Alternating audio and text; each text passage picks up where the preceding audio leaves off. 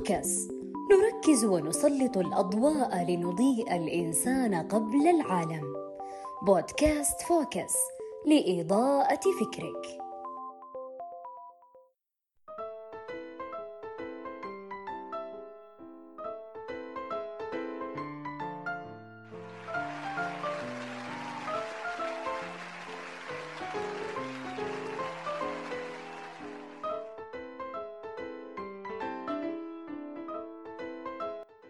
أنهيت مشوارك الدراسي وشعرت باكتئاب التخرج. جهز السي في وادرس كورسات. بالضبط ركزوا معي. في يوم قرأت مقالة كان عنوانها وشعرت باكتئاب التخرج العنوان خلاني أستغرب كثير وبنفس الوقت بسط لي الاكتئاب بشكل مخيف جدا وكأنه مرحلة لابد أي شخص بشكل عام أو خريج بشكل خاص يمر فيها. والشيء اللي استفزني كثير حتمية تجاوزه باستخدام بعض الأمور أو المسببات السهلة البسيطة المتوفرة اللي ممكن في أحيان كثير نلعب فيها على أنفسنا لغرض تصديقها تحمست أعرف حقيقة الاكتئاب الفعلية وهل هو بسيط فعلا أو حتى يمكن تجاوزه ببساطة؟ طيب هل فعلا إذا شعرت أني مصابة بالاكتئاب يعني أنا فيني اكتئاب؟ غالبا نشعر بالحزن بين فترة وفترة لكثير أسباب ممكن نعيشها. مثلا حصلت على تقدير سيء دخلت في جدال مع شخص أو حتى لو كان يوم ممطر يخليني أشعر بالحزن. ومرات ما يكون في أسباب محددة للحزن. يجي من ألا شيء ويذهب بمجرد تتغير الظروف اللي ما لها علاقة بالأصل يمكن. تتغير تماما مشاعرنا بالحزن وتختفي. لو تلاحظون كثير نقول إذا جتنا هالحالة أحس إني مكتئبة.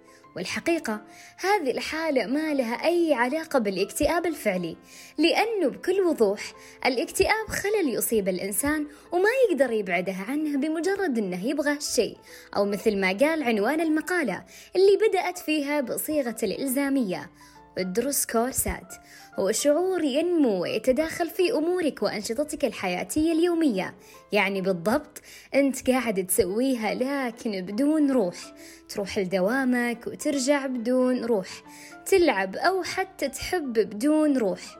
وفي أعراض كثيرة تخليك تتأكد أنك مصاب بالاكتئاب مو فقط شعور. مثلا مزاجك طول وقتك سيء.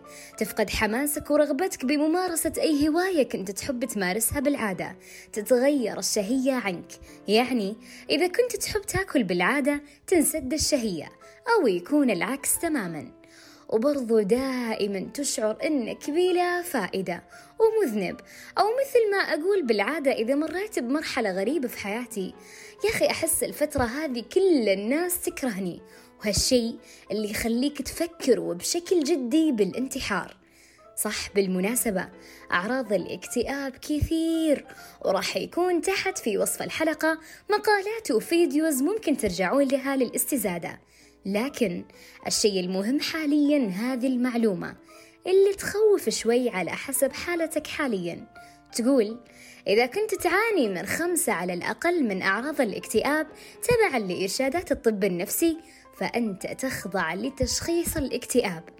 عشان كذا إذا عمرك ما أصبت بالاكتئاب توقف عن أنك تحاول تقارنه بالمرات اللي كنت تشعر فيها بمزاج سيء فقط لأنه مقارنة ما يشعر به المكتئب بالشعور المؤقت بالحزن يخلي الشخص المكتئب فعليا يشعر بالذنب على حاله وبالأسى على ضعفه.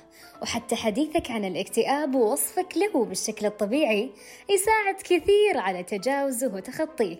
زي التحدث عن المرض الذهني بصورة طبيعية يساعد المريض بالتغلب على إحساسه بوصمة العار والفشل والحياة البائسة اللي عايشها ويخليه يطلب المساعدة بشكل صريح وسهل جدا.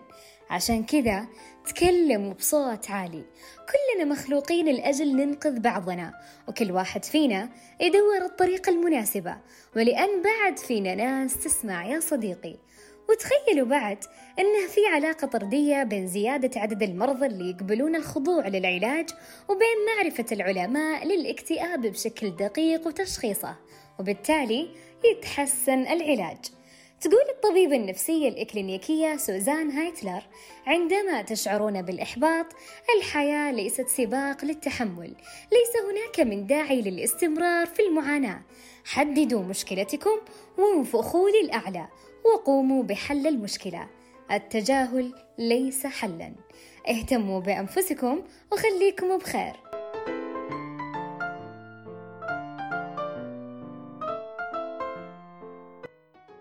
مرحبا مرة ثانية. غرد أستاذ وافي عبد الله قبل فترة يقول خريج انتبه للفراغ. طريق الأمراض والمشاكل والمصائب. الفراغ ليس توقف. بل هو موت بطيء. أكيد يجي في بالك طيب إذا تخرجت وما لقيت وظيفة. قررنا نسأل كذا خريجة عن شعورها في التخرج. وإيش الخيارات اللي كانت متاحة؟ خلونا نسمع مع بعض محاكاة عن الواقع اللي يعيشه الخريجين ونرجع.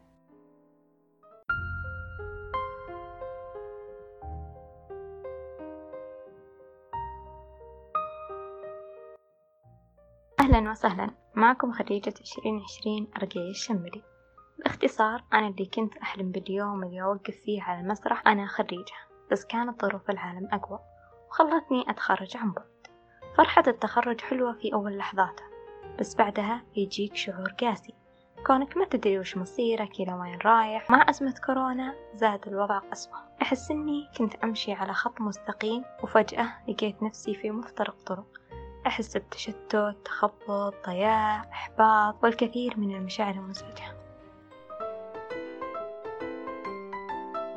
وأكيد كلنا نعرف تساؤل أغلب الخريجين. طيب لو ما لقيت وظيفة؟ أهلا أهلا. معكم ريم العتيبي أحد خريجات كورونا. تجربتي مع التخرج. صراحة في البداية كنت حاسة إنه شيء عادي لأنه كان حجر فأصلا خذيتها كفترة نقاهة انبسطت فيها. يوم رجعت الحياة شوي شوي استوعبت إنه أوكي يعني لازم في خطوة نسويها. إيش نسوي؟ صرت أقدم لكن ما يجينا أي رد. مستحيل راح أجلس أحط يدي على خدي وأنتظر الوظيفة تجي تطق بابي وظيفة الأحلام. فلا إيش في يدي؟ عندي تعلم ذاتي. اليوتيوب بحر برامج مجانية شيء غير طبيعي. فقلت أوكي هذا في يدي. ما راح أجلس أحط يدي على خدي وأصيح وأندب حظي. لا بالعكس. أساسا قمت أستمتع بالمرحلة هذه مرحلة الضياع هذه اللي بعد التخرج وإيش المصير وإيش كذا لأنه كلها مراحل يعني. وأنا عارفة إنه المستقبل قاعد ينطبخ على نار هادي. متأكدة إن شاء الله بيكون مستقبل مرة كويس. لكن الشخص يشتغل على نفسه صح. فهذه تجربتي يعني. ولا زلت الحين في المرحلة هذه مرحلة الضياع. لكن إيماني بالله مرة قوي وتفاؤلي مرة كبير بقدراتي كل شيء. وإن شاء الله مستقبل مبهر لنا جميعا. ولأننا خصصنا هذه الحلقة للخريجين رحنا لعالمهم. ولمسنا مشاعرهم ولقينا نماذج كثيرة. ومن ضمنها من سعى ووجد ما يريده مباشرة. في الحياة أرزاق وما علينا هو أن نسعى ونحاول. أهلا. أنا عدار الشمري خريجة سنة 2020 أو زي ما يقولون سنة كورونا لكنها ما قدرت توقفني أبدا. شقيت طريقي ولله الحمد بخطوات ثابتة وبجهد وإصرار حتى أنول مبتغاي ولا زلت في سعي مستمر. كانت الجامعة بالنسبة لي مو محطة عبور فقط. كانت مرحلة بناء تجربة تخطيط والأهم فشل. بكل مرة كنت أفشل فيها كنت أتعلم وأتغير وأطور الكثير بداخلي. عودت نفسي دايما أن أي فرصة لازم أختارها قبل تختارني ولازم أثبت لها أني لها وقدها. الهدف هذا حطيته في راسي من بداية دخولي للجامعة لحد ما تخرجت إلى أن أصبح المستقبل واضح الملامح بالنسبة لي. فنصيحة لأي شخص باحث عن عمل استغل أي فرصة ممكن تجيك واكسب الخبرة والمهارات الكافية. خلونا نرجع شوي للمقبلين على التخرج واللي يدرسون في سنتهم الأخيرة. هل يعيشون نفس الشعور ولا شعور الحماس للتخرج هو الغالب؟ سألنا خريجة تدرس في آخر سنة وقررت تشاركنا شعورها ومشاعرها ورسالتها. اسمي فاطمة اليحيى. طالبة جامعية على وشك التخرج. أدرس في سنتي الجامعية الأخيرة. أحدثكم بودكاست فوكس. أشارككم في هذه الحلقة شعور الختام. شعور النهايات. أشارككم إياه تحت عنوان ما قبل التخرج. إيش هو شعورك؟ أنت على وشك التخرج. ها كيف السنة الجامعية الأخيرة؟ ممكن سئلت عن هذا الشعور في الفترة الأخيرة؟ أكثر ممن سألت أخبارك فاطمة. وما تعجبت. فهذا حدث جسيم. حدث مفصلي لي ولكل طالب جامعي. هو بوابة. الحياة مختلفة. الحياة مغايرة عن اللي اعتدناه وألفناه. وما ألقى وصف أبلغ الحالي وشعوري وشعور المقبلين على التخرج من شعور قديم. سبق وعشنا لذته. شعور دخولنا للسنة الدراسية الأولى. كنا متطلعين متشوقين بل كنا متلهفين. متلهفين لهذه الحياة الجديدة. وفي الوقت نفسه يسكننا خوف الجديد. خوف أني صرت كبيرة. تقدرين تروح المكان بدوني؟ فأنا في منزلي طفلة. إذا طحت قوموني والدتي ووالدي. وإذا بكيت قبلوني. إذا خفت أعاذوني. يرشدوني على الطريق ويغمروني بحبهم وبعطفهم. أنا هنا أقول قبلوني. أقول أعاذوني. وهم اثنين. اثنين. ولكن في سعيهم لي والكل ابن وابنة كانوا بأمة. أجل مقاعد الدراسة؟ أطيح؟ ولا أحد يقومني. أخاف ولا حتى أحد ينتبه لخوفي. فأنا الآن مثل شعور فاطمة الصغيرة بين حب وشوق للتخرج اللي هو أشبه ما يكون في جدادته وفي حماسته بدخولي المقاعد الدراسة. وفي الوقت نفسه أعيش شعور خوف من اللي بعده. في الجامعة هي لي الآن مثل منزلي لما كنت طفلة صغيرة. هي الأمان هي الألفة وهي الصحبة. ومعلميني فيها هم لي مثل والديني يدلوني على الطريق يصوبوني إذا أخطيت ويقيلوني لو تعثرت. يغمروني بحبهم وبقربهم وبرحمتهم.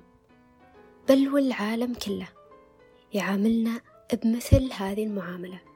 يقولون طالبة أحسنوا فيها ساعدوها إن أخطيت قالوا توها طالبة. وإن أصبت أخجلوني بثنائهم ومهما كان اللي أسويه صغير هو في نظر العالم كبير وعظيم. فأنا في عينهم طالبة صغيرة دايما أشبه سنين الجامعة بأشهر الحمل. التخرج بالولادة والوظيفة بالابن. نظن إحنا في مقاعد الدراسة أن هذه السنين هي سنين المشقة هي سنين التعب وسنين الإرهاق. بل نردد متى أصير زي أخوي وأختي؟ متوظف ومرتاح. وما ندري أن سنين الدراسة الجامعية هذه هي أشهر الحمل. يظن اللي يعاني من شدتها أن المتهني هو اللي أنجب طفله وانتهى من هذا العناء كله. نتمنى وقتها الطفل وما ندري أن قدومه تربيته العناية به هو أصعب فصل بمر علينا من لحظة حملنا به. أما السنة الأخيرة فهي أشبه ما تكون ببلوغ المخض فإحنا فيها بين مشقة وثقل الحمل ثقل الدراسة وبين اللي نتعلمه لأجل قدوم طفلنا لأجل قدوم الوظيفة وبين اللي ننميه من مهارات ونبتاعه من احتياجات لهذا الطفل. فإحنا فيها خايفين متشوقين نخاف من لحظة الولادة. نخاف من لحظة التخرج. ونستعد لها بكل ما أوتينا من قوة ومن علم. ونظنها اللحظة الأصعب. لكن يولد بعدها طفلنا. وينقض بقدومه ظنوننا. نلقى أصعب ما يكون علينا في أشهر الأولى. تجربة فريدة ما سبق وخضناها نتعرف عليه بمرور الوقت على محابة على طرق التعامل معه. كيف ننجز اللي يحتاجه منا في أقل وقت وتكلفة ممكنة. فوظيفتنا الأولى لنا هي مثل طفلنا الصغير. ثم إذا وصل عمر السنتين خف علينا كثير من تعب تربيته. ووجدنا من حسه أنس. والبكاء قبل ضحكته شوق. بل نبدأ نبحر في فهمه في تدارك أخطائنا الماضية وتستمر مشقة العناية به بالتضاؤل شيء فشيء من أكثر الأشياء اللي تبعث الشوق في نفسي لهذه المرحلة المرحلة ما بعد التخرج. هو إنها تبين للإنسان حقيقة همته تبين له سمو غايته بينها له معزل عن تأثير الجماعة وعن تحفيزهم. فلما كنا في مقاعد الدراسة الكل منحون ليتعلم يعمل يطور نفسه. فإحنا مو أعجوبة لو سرنا مع الركب وافقنا أفعالهم.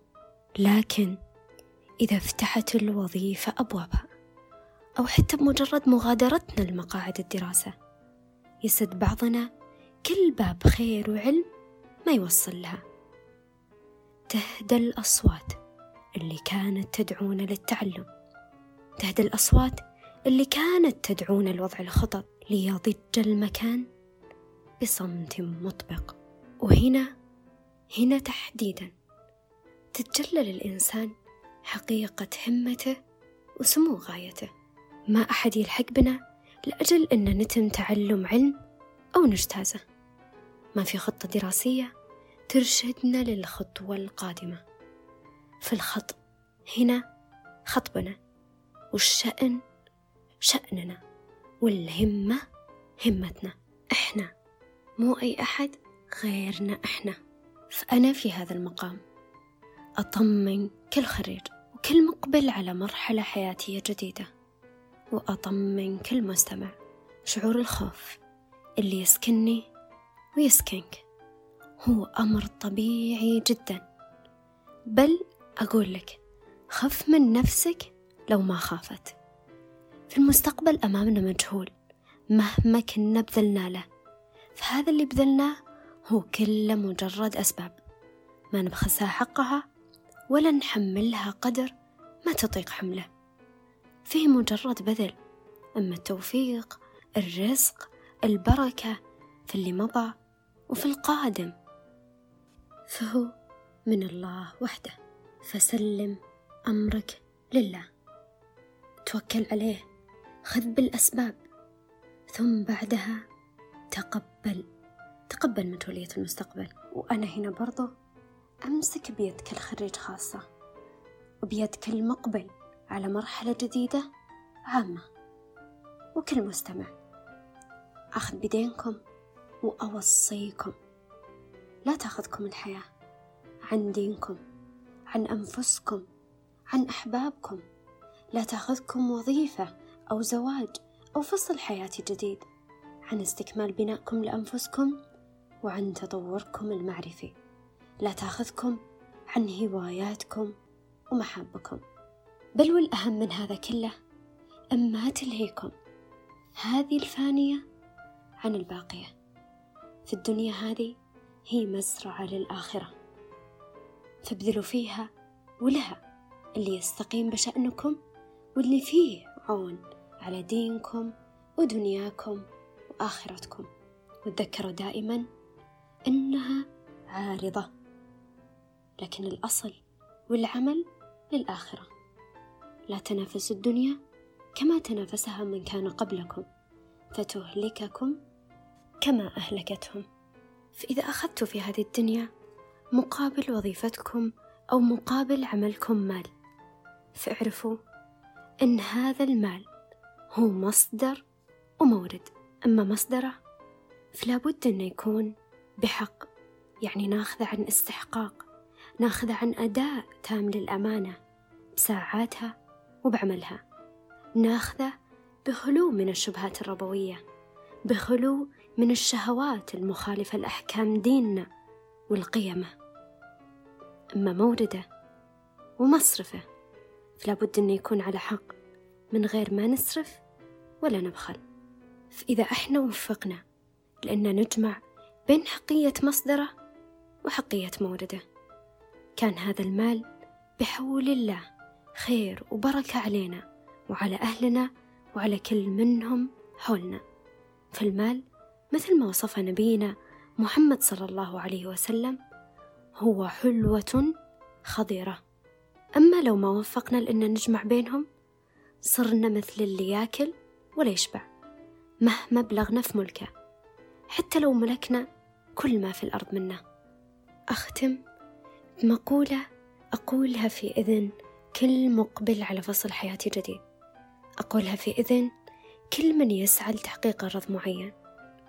أختم بقول الأديب المنفلوطي إنك قد سعيت إلى غرض. فإن كنت هيأت له أسبابه وأعددت له عدته وبذلت له من ذات نفسك ما يبذل مثله الباذلون في مثله. فقد أعذرت إلى الله وإلى الناس وإلى نفسك. حري بك ألا تحزن على مصاب لم يكن أثرا من أثار يديك ولا جناية من جنايات نفسك عليك.